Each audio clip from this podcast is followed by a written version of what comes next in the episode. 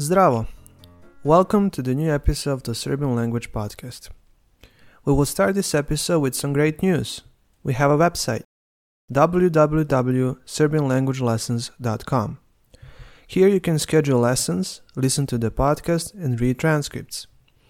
You can also subscribe to newsletter to get notified when the new transcript comes out.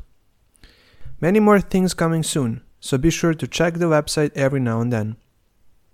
I received many messages of people asking when will the new episode come out, so we are finally here.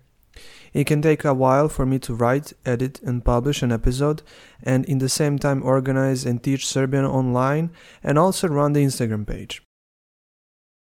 In this episode, we are talking about autumn in Serbia. Let's start.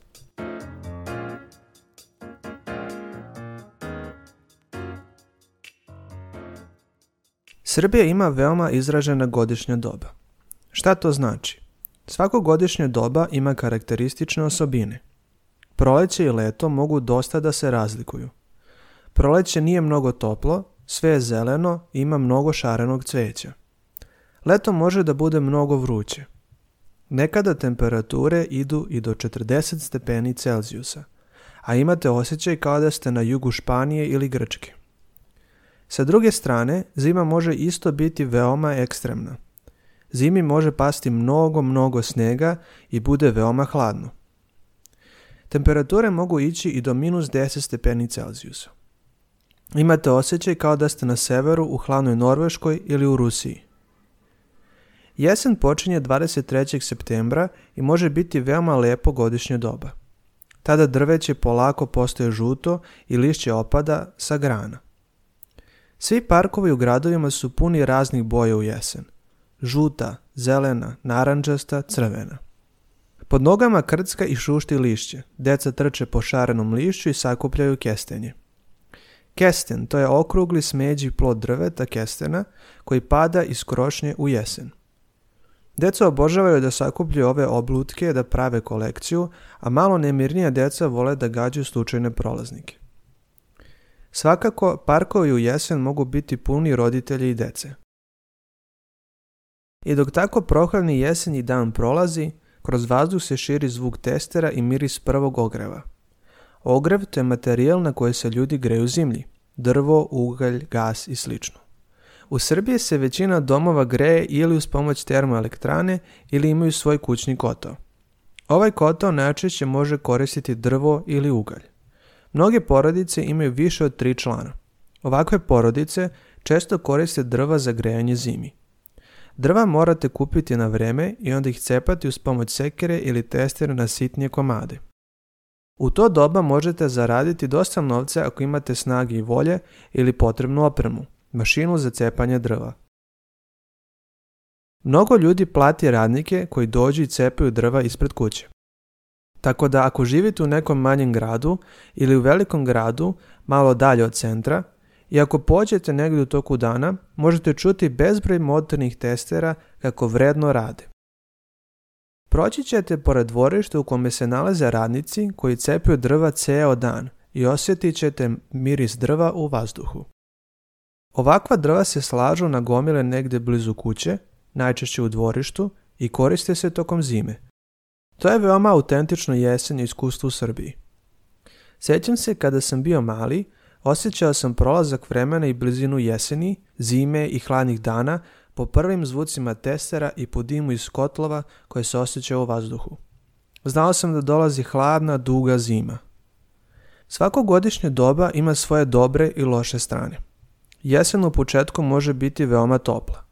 U Srbiji mi to zovemo miholjsko leto. Šta je to Miholjsko leto? To je naziv za topli period posle početka jeseni. To je kao neko mini leto. Dani su veoma topli, možete nositi šorci majicu, a jesen je. Zove se Miholjsko jer se javlja oko Miholjdana 12. oktobra i može trajati nekoliko nedelja. Dakle, imamo pravi mali meteorološki fenomen. Mnogi ljudi žele da iskoriste ove posljednje letnje tople dane u godini za odlazak u prirodu. Možete se čak i sunčati u oktobru. Obično posle ovog perioda dolazi hladna sezona kiša i pljuskova. Pljusak to je kada mnogo kiše padne, obično odjednom i naglo. Dakle, ako želite da živite u Srbiji, morate biti spremni za sve vremenske uslove – u jesen morate imati dobru obuću jer će sve biti mokro. Zimi morate imati debelu jaknu i kapu jer zimski vetar ujeda koliko je hladan. Leti je svejedno da li ste u Srbiji ili na Majorki. Vreme je isto. Mnogo, mnogo vrućine i sunce. Dakle, moje detinjstvo u jesen, kada se setim, bilo je ispunjeno šuštanjem lišća, kišom i mirisom prvih hladnih dana. Međutim, unutra, u kući, Često se osjećao jedan lep, poznati miris. Miris bundeve. Šta jedem u Srbiji u jesen? Jesen je doba kada ima mnogo bundeva ili tikvi. To je naranđasta biljka okruglog ili izduženog oblika, veoma je slatka. Tikva može da se peče tako što je nasečemo na delove i stavimo u rernu. Ona ovako bude veoma slatka, a neki vole da kažu da je tikva srpska banana. Tikva može da se koristi za pravljanje pite od bundeve. Neki to zovu tikvenik. Ova pita može da se pravi na različite načine, ali uglavnom tikva se narenda, u nju se stavi šećer i cimet i onda se sve to uvije u testo koje je tanko i lisnoto. Sve to se peče u rerni i dobijemo hrskavu pitu od bundeve. Međutim, hrana koja zauzima mjesto broj 1 u jesen i zimi je zimnica. Zimnica se pravi uglavnom od različitog povrća, paprike, papričice, krastavca, paradajza. To je hrana koja se konzervira i čuva da bi mogli da jedemo za vreme zime, kada je ta vrsta hrane van sezone. Pošto zimi nema paprike, ili je ranije nije bilo, mi pravimo ajvar. Pošto nema paradajza, mi pravimo kečap ili paradajz sos. Ako hoćemo da jedemo nešto slatko zimi, jedemo domaći džem od šljive, kajsije ili šipurka. Dakle, ljudi u Srbiji su mnogo vredni. Kada rodi šljiva, cela kuća sprema džem ili rakiju i to može trajati nekoliko dana. Pred jesen ili za vreme rane jeseni, većina ljudi, ako imaju mogućnosti, spremaju ajvar. Ajvar je specijalna vrsta salate koja se pravi od crvene paprike. To je ujedno i namaz i prilog uz jelo možete mazati na hleb i jesti u slaninu ili bilo koje drugo jelo. Uglavnom se servira kao predjelo u sir, jaje, slaninu ili luk. Ako ste u nekom malom mestu na jesen, možete vidjeti vredne ljude kako u dvorištu kuće ceo dan prave ajvar. To se obično radi za vikend, kada ljudi završe posao i imaju vremena za druge stvari. Ceo dan može biti ispunjen pravljenjem ajvara. Miris pečene i kuvane paprike se širi u vazduhu kako prođete nekom ulicom. Kako se pravi ajvar? Crvene paprike koje uberete iz bašte prvo pečete. Onda pečene paprike oljuštite, iscedite i sameljete. Sećam se kada sam bio mali, svi su koristili metalne mehaničke mašine za mlevanje paprike, paradajza ili mesa. Papriku ubacite u otvor na vrhu te mašine i onda ručno okrećete ručicu i mlevena paprika izlazi sa prednje kraja mašine. To mi je bilo jako zanimljivo kada sam bio mali. Ceo proces pravljena ajvara, paradaj sosa ili džema je jako zanimljiv kada si idete. Cela porodica je zaposlena. Svi nešto rade u kući ili van kuće – Volili smo da trčimo sa jednog kraja dvorišta, gdje deda peče papriku, na drugi, gdje baba pere sveže paprike, još ne ispečene. Ja bih gledao sve to crvenilo i uživao bih ceo dan. Ponekad mi deda dozvoli da pomognem i okrećem mašinu za mlevanje. Ponekad mi baba dozvoli da promešam ajvar na šporetu. Dok se sprema zimnica, vlada porodični timski duh. Dakle, kada se paprika samelje, onda se peče. Obično se to radi van kuće, jer treba ispeći mnogo, mnogo paprike i to može napraviti nered. Zbog toga često koristimo šporetna drva, a pošto je pravljanje zimnice srpska tradicija i to je veoma važan proces, postoje specijalne peći za pravljanje zimnice, džema ili ajvara. Zovu se furune. Pečenje paprike može trajati satima jer se obično peku na tihoj vatri. Pored paprike, u smesu možete dodati plavi patliđan ili neki začin, na primjer celer ili beli luk. Kada se paprika ispeče na šporetu, treba staviti ajvar u tegle. Tegle treba oprati i pripremiti. Ako stavljate vruć ajvar u tegle, morate zagrijati i same tegle, jer će pući. Ajvar je vruć, a tegle su hladne. Dakle, treba staviti tegle u rernu i zagrijati ih. Kada stavite ajvar u tegle, možete staviti plastičnu foliju preko otvora tegle i onda zašrafiti poklopac. Tako ćete dodatno osigurati da se ajvar ne pokvari. Ovako pripremljen ajvar obično stavimo u špajz, ne morate ga držati u frižideru. Ajvar treba biti na suvom i malo hladnom mjestu u hladu. Ajvar u tegli može trajati 2 ili 3 godine. Za vreme jeseni mnoga domaćinstva peku rakiju. Ako vas interesuje srpska kultura, mislim da već svi znate šta je to rakija. Rakija je veoma važan deo srpske tradicije. To je jako žestoko alkoholno piće. U Srbiji skoro da ne postoji kuća bez rakije. Rakiju možete kupiti u prodavnici, ali prava rakija je ipak ona koju napravi deda na selu. Rakiju peče uglavnom muški deo porodice. Voće koje se koristi za rakiju je šljiva, dunja, kruška, jabuka i sl.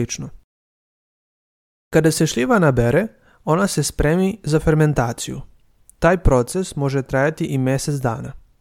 Posle fermentacije dolazi faza destilacije. Za ovo nam je potreban kazan za rakiju. Kazan je velika bakarna posuda ili sprava uz pomoć koje pravimo rakiju. Rakija se pravi tako što se fermentisana šljiva zagrije i alkohol isparava pa se onda ponovo kondenzuje. Ta tečnost koja se kondenzuje na kraju postane rakija. Rakija može biti vrlo jaka, od 40% alkohola do 60% alkohola. A domaća rakija može imati i više. U narodu ljudi misle, što je jača rakija, to je bolja. Međutim, prava rakija mora imati lep ukus i miris. Rakija se posle destilacije može čuvati u drvenom buretu, a sipa se u staklene flaše. Najčešće pijem uz meze. Tanjir sa slaninom, suvim mesom, sirom i lukom. Ako imate gosta u kući, obavezno ga morate ponuditi rakiju. Dakle, rakija je nezaobilazni deo svakog momenta u životu – Koristi se kada je svadba, rođendan, slava, za dobro jutro, pa čak i kao lek. Možda ne izgleda tako, ali Srbija ima dobru tradiciju sa pićima. Kada neko kaže brendi ili liker, prvo pomislimo na irski viski, džin ili tekilu. Ali eto, vidimo da Srbija i ceo Balkan imaju jako bogatu kulturu pijenja i pravljenja rakije. Kada neko kaže vino, pomislimo na Francusku ili na Italiju, ali Srbija isto tako ima jako dobra vina. Mnoge kuće imaju porodične vinograde, uglavnom na severu ili jugoistoku Srbije. Vinogradi se također beru u jesen. Ako imate mali vinograd, on se može obrati vrlo brzo, ako cela porodica učestvuje. Kada sam bio mali, pa i sada, svake jeseni beremo dedin vinograd – to traje jedan ili dva dana. Berba grožđa je još jedan razlog da vidimo prijatelje i porodicu, jer svi učestvuju u berbi i svi pomažu. Svaki put smo ustajali rano ujutru, oko 5 ili šest sati i odlazili traktorom uzbrodo do vinograda. Tamo smo brali grožđe ceo dan, dok ne padne mrak. I ako ostane još grožđa, brali bismo još jedan dan. Iako smo radili ceo dan, nije bilo dosadno niti mnogo teško, jer ceo dan provedemo u prirodi sa prijateljima. Pričali smo, pevali, slušali muziku i družili se. Fizički rad je nekako lepši kada se radi kolektivno, sa ljudima koje volimo. Posle berbe moj deda od grožđa pravi vino. Mnoge porodice iz mog kraja imaju svoje domaće vino. Iako ovo vino možete kupiti za relativno malo novca, ono je zapravo neprocjenjivo. Nema mnogo mjesta u svijetu gdje neko može piti dedino vino ili dedinu rakiju.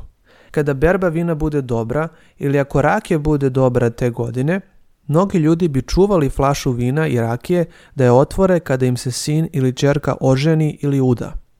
Eto, vidimo da rakija ili vino nije samo piće kao svako drugo u Srbiji.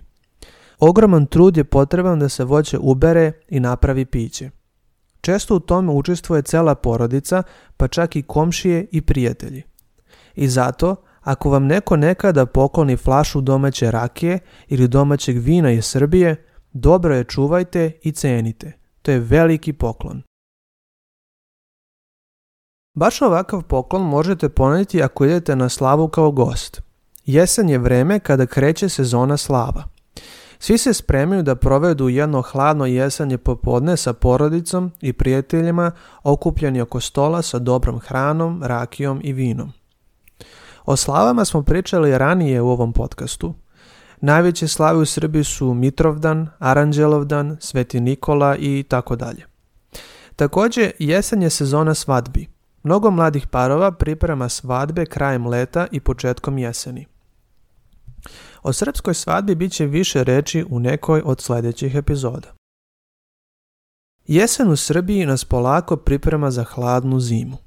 Tada ljudi uglavnom budu bliži jedni drugima, polako se navikavamo na hladnoću, više dana provodimo u kući, gdje je toplije, gdje baka peče pitu od bundeve. Napolju idemo po Ako nas mama pošalje po drva ispred kuće, a tu možemo sresti i dedu koji peče rakiju i ugrejati se pored vatre kod kazana. Osjećamo miris zime u vazduhu i znamo da za koji mjesec pada prvi sneg. Eto, tako nekako izgleda detinjstvo u jesen. To bi bilo sve za ovu kasnu oktobarsku epizodu. Nadam se da ste uživali i da sam vam makar malo bolje približio atmosferu jeseni u Srbiji. Nemojte da zaboravite da posjetite internet stranicu www.serbianlanguagelessons.com. Zapratite i Instagram stranicu Learn Serbian ili Serbian Language Network. Vidimo se uskoro sa novom epizodom. Pozdrav!